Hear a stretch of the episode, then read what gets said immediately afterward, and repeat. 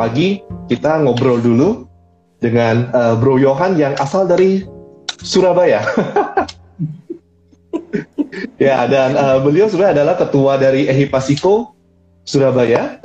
Kalau Ehipasiko masih ada kegiatan apa, uh, Bro Johan?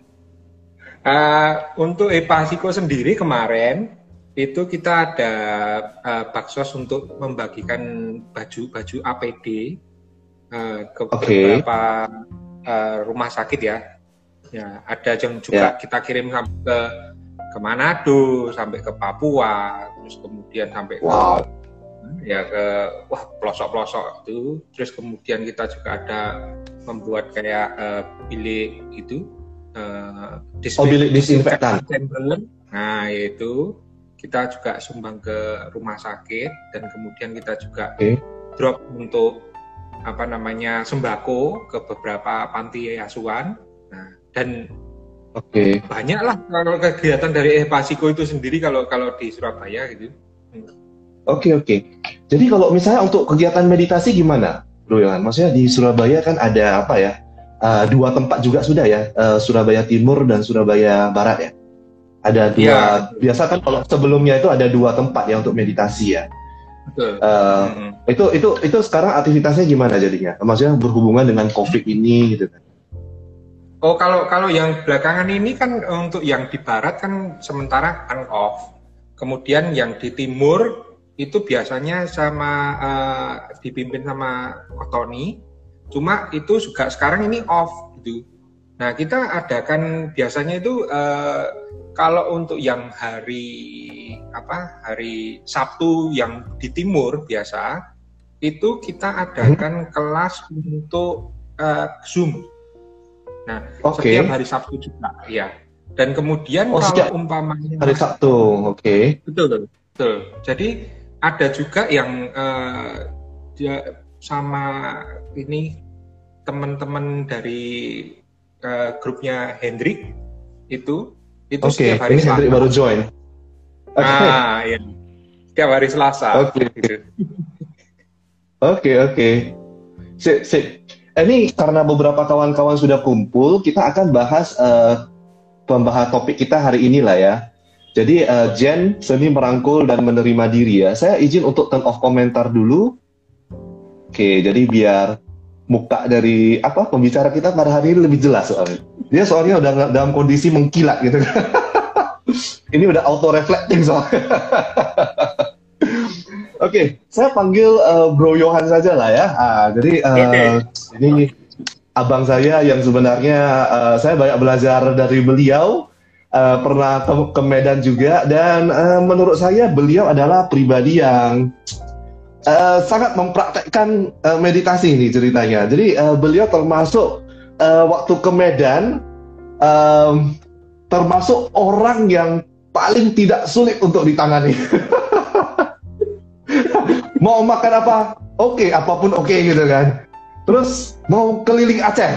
Oke, okay, gampang.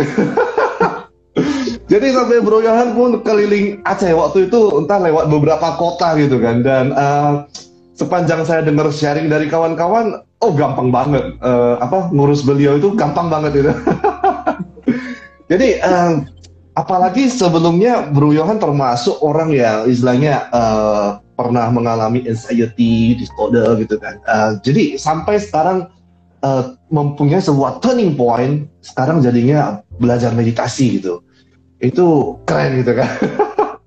itu sedikit profil dulu lah selain uh, cerita tentang backgroundnya uh, beliau juga adalah salah satu pengusaha kertas ya yang uh, besar sebenarnya kawan bagi pendengar yang baru join juga dan uh, beliau juga istilahnya latar belakangnya adalah juga uh, banyak bergerak di bidang sosial sebagai ketua Ehipasiko di Surabaya. Nah, ini kita mulai dengan topik pertama nih. Um, maksudnya turning point dari Bro Johan yang sampai demikian hebat gitu kan. Menurut kami sih hebat gitu. Jadi sampai begitu mendalami meditasi dan uh, terus keliling sharing tentang meditasi dan sebagainya. Sebenarnya apa sih yang membuat meditasi itu bisa membuat seseorang menjadi lebih baik gitu? boleh sharing sharing ayo sharing. Sharing pengalaman ini. Jadi biar kita nggak banyak trial error dalam hidup ini. Oke. okay Ya, sebenarnya waktu dulu saya uh, mengalami anxiety disorder dan depresi sebenarnya. Sempat sampai masuk ke depresi. Itu memang waktu itu memang sangat sulit ya, sangat sulit. Karena di sana saya itu setiap hari cemas terus. Dan kemudian lama-lama dari uh, apa kecemasan ini lama-lama uh, saya jatuh ke depres Nah itu. Nah, saya sudah mengusahakan banyak hal mengenai bagaimana saya bisa sembuh. Saya pergi ke ke mana-mana ya berobat ke dokter A, dokter B, dokter C, dan kemudian sampai eh? saya nggak percaya eh, sampai saya pergi ke Singapura dan kemudian saya juga masih nggak percaya bahwa saya tuh nggak tahu kenapa di diri saya itu kalau pas orang anxiety disorder itu punya satu keyakinan bahwa diriku ini sakit gitu. Dan ketika kalau dicek sana nggak beres, eh, istilahnya eh, di sana dicek semuanya beres-beres saja, saya nggak percaya. Dan kemudian saya hmm. akan cari dokter lain untuk memeriksakan hmm. diri saya. Dan semua tes saya sudah lakukan dari mulai oh. apa yang uh, eko eko jantung semua sampai MRI semua saya lakukan gitu. Dan memang ternyata memang hmm. nggak ada apa-apa. Nah, nah kemudian saya merasa bahwa ini penyakit apa sebenarnya itu dan kemudian ada satu dokter yang apa uh, men, menyarankan saya untuk ke psikiater. Nah itu. Nah Waktu itu saya Ini... dikirim ke psikiater dan kemudian karena ada kecenderungan gila gitu ya. Nah, saya dulu juga takut gitu loh ya kan. Pertama kali, aduh, saya psikiater saya berarti gila gitu. Enggak, tapi tapi tapi Oke, yang terjadi seperti Waktu saya di psikiater, saya menceritakan pengalaman saya kenapa saya begini saya begitu saya udah cek semuanya apa segala macam uh, uh, apa ke semua dokter tapi kenapa saya nggak percaya dan lain segala macam akhirnya psikiater itu bilang bahwa kamu ini namanya itu kalau di klinisnya itu anxiety disorder gitu. Oke. Okay. Nah, jadi, uh. saya waktu itu juga bingung. Penggangguan kok kecemasan kan aneh kan itu. Iya iya, bahasa apa itu ceritanya tuh? Uh, Oke, okay, nah, terus? Tapi memang memang itu sesuatu hal yang bagi saya ya sangat mengganggu ya. Saya sampai waktu uh, ngalami anxiety disorder itu sekitar hampir dua tahunan lebih saya nggak bisa bekerja. Saya benar-benar dua tahun itu perjalanan itu lumayan lama itu sebenarnya. Karena bagi kita yang hmm, cemas gitu ya itu uh, satu hari itu bisa terasa sampai setahun itu ya bro ya. Oke okay. terus bagaimana sampai uh, bisa ya uh, kenalan dengan meditasi dan merasa bahwa meditasi ini akan merubah orang menjadi lebih baik? Iya, sebenarnya waktu itu lucu sih saya uh, waktu di psikiater saya dikasih obat, obat penenang gitu. Dan kemudian obat penenang itu sebenarnya malah bagi saya bukan sesuatu yang bisa menenangkan gitu kan. Karena hmm, ketika hmm, saya hmm. minum obat penenang itu yang saya rasakan malah benar-benar saya nggak bisa mikir gitu dan itu sangat menakutkan gitu. Nah, akhirnya saya putuskan untuk tidak meminum obat uh, apa penenang itu. Dan itu memang hmm. sangat menyiksa ya. Itu sampai saya insomnia hampir tiga bulan saya insomnia. Wow tiga bulan kemudian, akhirnya insomnia itu berarti gangguan tidur ya bro ya? Ya gangguan tidur. Nah itu nggak bisa tidur ya ceritanya ya oke. Okay. Nah, terus kemudian akhirnya saya ada satu saat saudara saya ngirim satu buku mengenai cacing dan kotoran kesayangannya itu dari Ajan Bram. Oke, tulisan Ajan Bram. Dari situ saya baca-baca, saya tertarik. Waktu itu saya tertariknya bukan karena apa, tapi saya kok tertarik. Ini siapa sih? Kok bijak banget gitu, kan? Bisa men- menyikapi hidup kok seperti itu bijaknya itu Otak. seperti apa? Hebat gitu kan, nah, gitu. Nah kemudian saya balik bukunya, di situ ada gambarnya Ajan Bram. Waktu itu saya nggak tahu ya, Ajan Bram. Dan Oke. saya cuma tahu bahwa ini seorang biksu Buddhis. Nah, Oke, dan oke. ha, ha. itu, saya yang pemahaman saya orang Buddhis ini ya meditasi. Nah, dari sana saya nggak tahu kenapa ya udah saya coba aja meditasi dah gitu. Dan saya coba meditasi. Waktu itu saya nggak tahu sebenarnya meditasi itu apa. Tapi yang saya lakukan hanyalah duduk.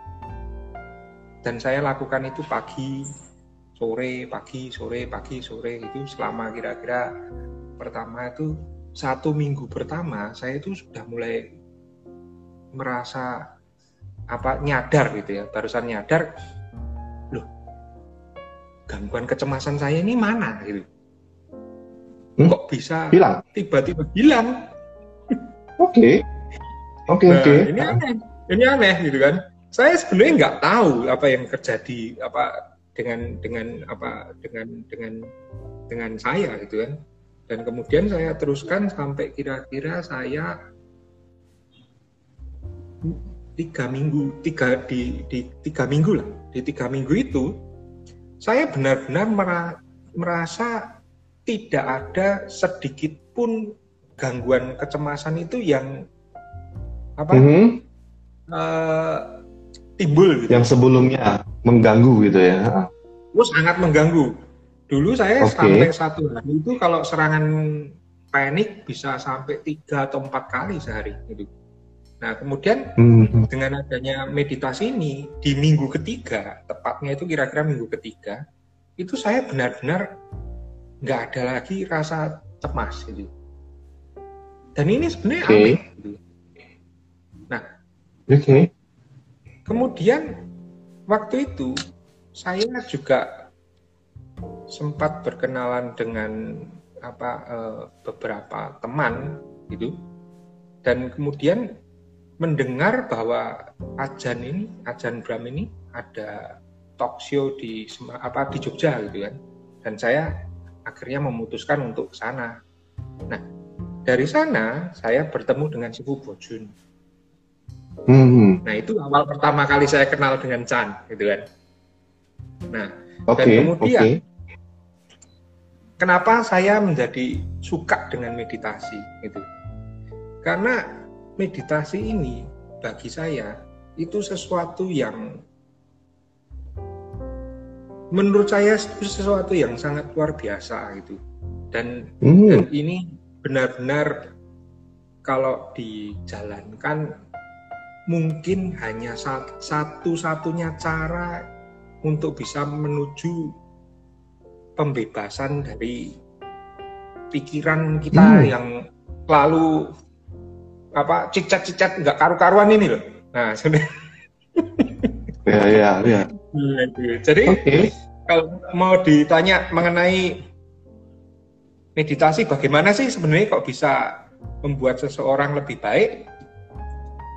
Nah, sebenarnya meditasi ini karena karena waktu kita ini memberikan perhatian kita ini ke dalam diri kita sendiri, kita menjadi tahu apa sih yang sedang terjadi pada tubuh kita, apa sih yang sedang terjadi pada pikiran kita, apa sih yang terjadi pada batin kita. Hmm. Menyadari hal-hal seperti ini, ini, ini sangat penting. Karena ketika kita tidak tahu apa yang terjadi pada diri kita, itu sebenarnya kita ini dalam posisi akan selalu kebingungan. Ini kebingungan ini yang akan membuat kita menjadi gelisah, terus kemudian ketakutan, terus kemudian apa eh, bereaksi dengan hal-hal yang negatif yang lainnya gitu. Nah ini seperti seperti itu yang yang yang yang yang saya saya saya uh, mengerti gitu kan. Nah, itu. Jadi saya ambil kesimpulan uh, apa yang tadi disampaikan oleh Bro Johan kepada kita semua. Jadi uh, meditasi itu sebenarnya luar biasa karena itu satu-satunya cara, satu-satunya cara untuk menuju pembebasan pikiran kita. Itu menurut Bro Johan ya. Karena kenapa? Karena dengan meditasi ini memberi perhatian ke dalam diri kita. Sehingga kita sadar apa yang sedang terjadi pada tubuh, kita sadar apa yang terjadi kepada pikiran kita, kita sadar apa yang terjadi dengan batin kita. Sehingga kita juga tahu apa yang terjadi dan uh, dan kalau kalau kita tidak tahu apa yang terjadi itu yang menyebabkan kita selalu kebingungan, kita selalu gelisah, kita itu menjadi selalu takut. Betul ya, gitu ya Bro Yohan ya.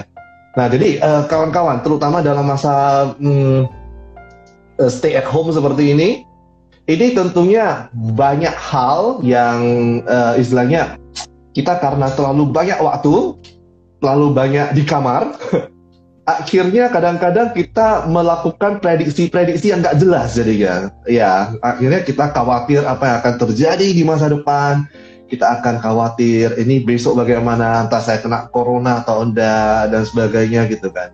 Nah, eh, kawan-kawan sekalian, kalau kita bisa memperhatikan apa yang sedang terjadi pada tubuh, apa yang sedang terjadi pada pikiran, apa yang sedang terjadi pada batin kita, kalau kita memberi perhatian pada diri kita sendiri melalui meditasi, jadi akan kita akan bebas, ya, kita akan merasakan bebas, kita akan menjadi manunggal ya kita akan memiliki kontrol penuh dengan pikiran kita.